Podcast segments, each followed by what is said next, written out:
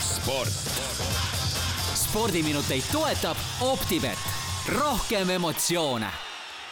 tere hommikust, Karl-Mihkel Eller. tere hommikust. Spordijuttudega alustame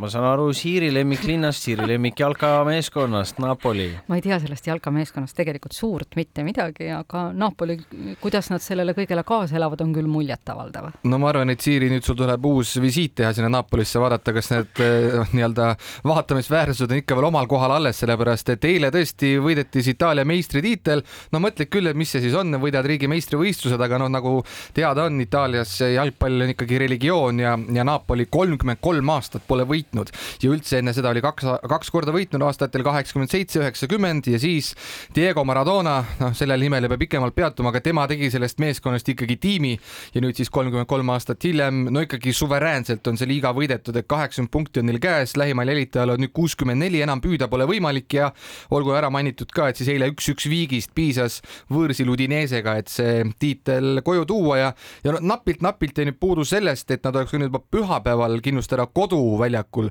Diego Maradona nimelisel väljakul selle tiitli ja seal ka juba sinist eh, nii-öelda, kus meil on siis need, mitte valgusraketid, aga igast tossu ja kõik oli täis, aga seal tuli viik ja siis veel viigist ei piisanud, aga, aga eile piisas ja, ja noh, neid videosi saab igaüks Twitterist vaadata, et no see nägi välja, et uus aasta on saabunud, see linn ikka oli noh leekides. ilmselt pidu kestab siiamaani. no ma arvan, et kestab veel kuu aega tõenäoline on, aga jalkast veel äh, rääkides, siis meil on põhjust vaadata nüüd Inglise liiga poole. Jah, Inglise liiga poole meil on selline mees nagu Erling Braut Haaland, kahekümne kahe aastane norralane, kes on nüüd äh, uue rekordi omanik, sellepärast et tema nimel on nüüd Inglismaa kõrgliiga väravaküttide rekord, kui ta siin Manchester City vedas kolm-null võidule West Hami üle ja sai kirja oma kolmekümne viienda tabamuse hooaja jooksul ja nüüd on siis tema, kui enne siin äh, noh, jagas seda äh, au siis selliste legendaarsete mängijatega nagu Andy Cole ja Alan Shearer, siis nüüd on temal ainsana kolmkümmend viis tabamust ja kuna hooaeg on veel pikk, siis äh, usutavasti Holland jätkab ikkagi sellel kursil, et, et noh, kas ta nüüd neljakümneni välja jõuab, aga noh, mees on ikka näidanud oma debüüthooajal Premier League'is, et, et need jutud, mis tema ümber käisid, kui ta Bundesliga-s mängis Dortmundi Borussias, et noh, et tule nüüd siia õigete meeste liigasse, paneme su paika, siis ta ikkagi on niimoodi pannud äh, kogu selle liiga paika. ja kogu nii-öelda Premier League'i, kogu Inglismaa on surunud põlvili. ja nii on ja, ja Haaland Hollandi ja Hollandi puhul ikkagi no jällegi see vanus, et kakskümmend kaks mhm. kõigest, et siin on toodud neid võrdlusi ka, mida tegi sellel ajal Messi, mida tegi sellel ajal Ronaldo, no ta on nende no, oma väravate poolest, mis ta on karjääri jooksul juba löönud kaks korda rohkem, kui nemad olid sellel hetkel, et noh, jällegi see võib tähendada ka seda, et kui liiga noorelt nii kaugele jõuad, et kauaks sul on motivatsiooni, kas sa paned kolmekümne seitsmendal eluaastal nagu Ronaldo, aga no vaatame. vaatame Läheme Eesti spordi juurde ka. Kas alustame korvpallist või alustame nendest kurbadest teadetest tennises? no võib-olla läheme korvpalli juurde, et räägime mm -hmm. siis sellest positiivsemast kõigepealt ära, et korvpalli Eesti meistrivõistlustel poolfinaalid on täie hooga käimas ja äh, finaalpaarid Kalev Cramo, Tartu Ülikool, Max ja Moorits ja teine siis Viimsi Sportland, Pärnu Sadam. no tegelikult sellist furoori noh, natukene isegi on seal õhus, sellepärast et küll Kalev Cramo on meeskond ikkagi, kes no on favoriit, kuigi eelmine aasta läks neil luht, aga nüüd see hooaeg lõpuosa on saadud siin valusaid kaotusi, aga usutavasti finaali välja jõutakse. aga olulisem on nüüd vastasseis selles teises poolfinaalis, kus täna tuleb teine kohtumine ja Pärnu võõrustab Tartu Ülikool Max ja Mooritsat. Pärnu valitsev meister, aga no neil on päris kõva selline uuenduskuur käinud läbi ju terve aasta jooksul, aga Tartu vastu ollakse praegu seeriat üks-null juhtimas ja täna mängitakse siis kodus ja täna on variant lausa niimoodi, et kodus nende koefitsient Optibeti portaalis üks koma seitsekümmend viis, Pärnul üks koma üheksakümmend üks, nii et eh, või vabandust, Tartul üks koma üheksakümmend üks, nii et Pärnu on ikkagi eh, favoriit ja, ja vaatame, kas siis purjetab finaali välja ja teine pall, no mis ka põrkab äh,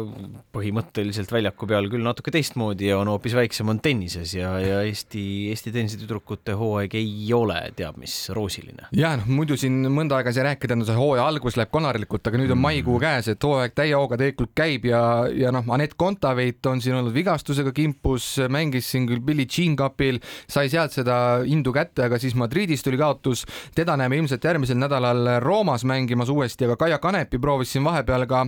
madalama kategooria ITF sada turniiril, noh, just nimelt ilmselt selle mängurütmi kätte saada, aga eile kaotas siis maailma kahesaja üheteistkümnendale reketile suhteliselt kindlalt ikkagi. aga vahepeal ikkagi siin esimeses ringis sai võidu viiesajandi reketi vastu, aga no eks need ei ole need vastased, keda nad tahaksid tegelikult võita, aga aga ütleme, suure slam'i turniirid ootavad veel ees ja kui suudetakse ennast uuesti vormi saada, siis loodame, et et see hooaeg, mis algas ikkagi sellise kõva langusega, läheb tõusule.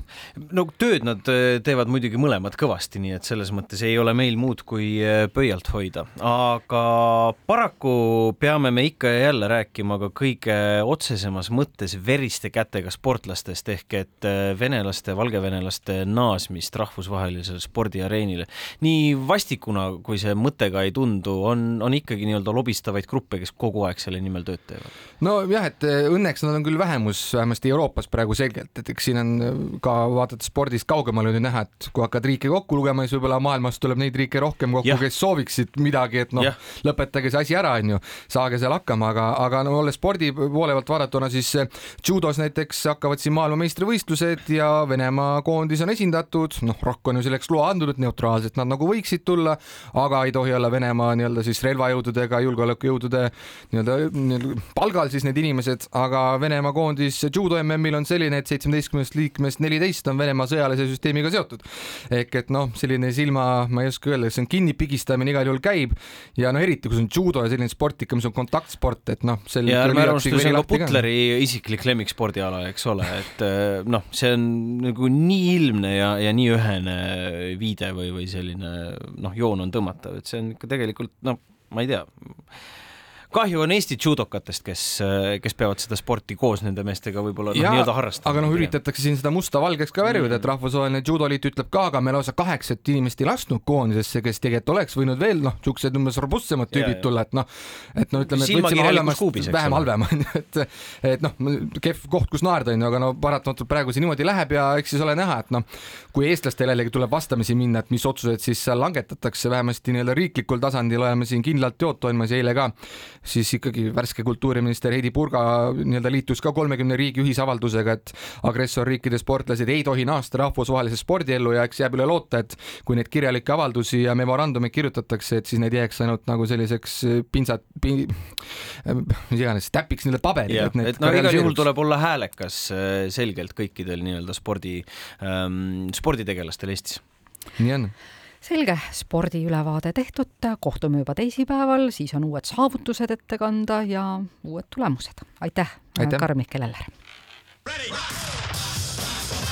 sport. spordiminuteid toetab Optibet, rohkem emotsioone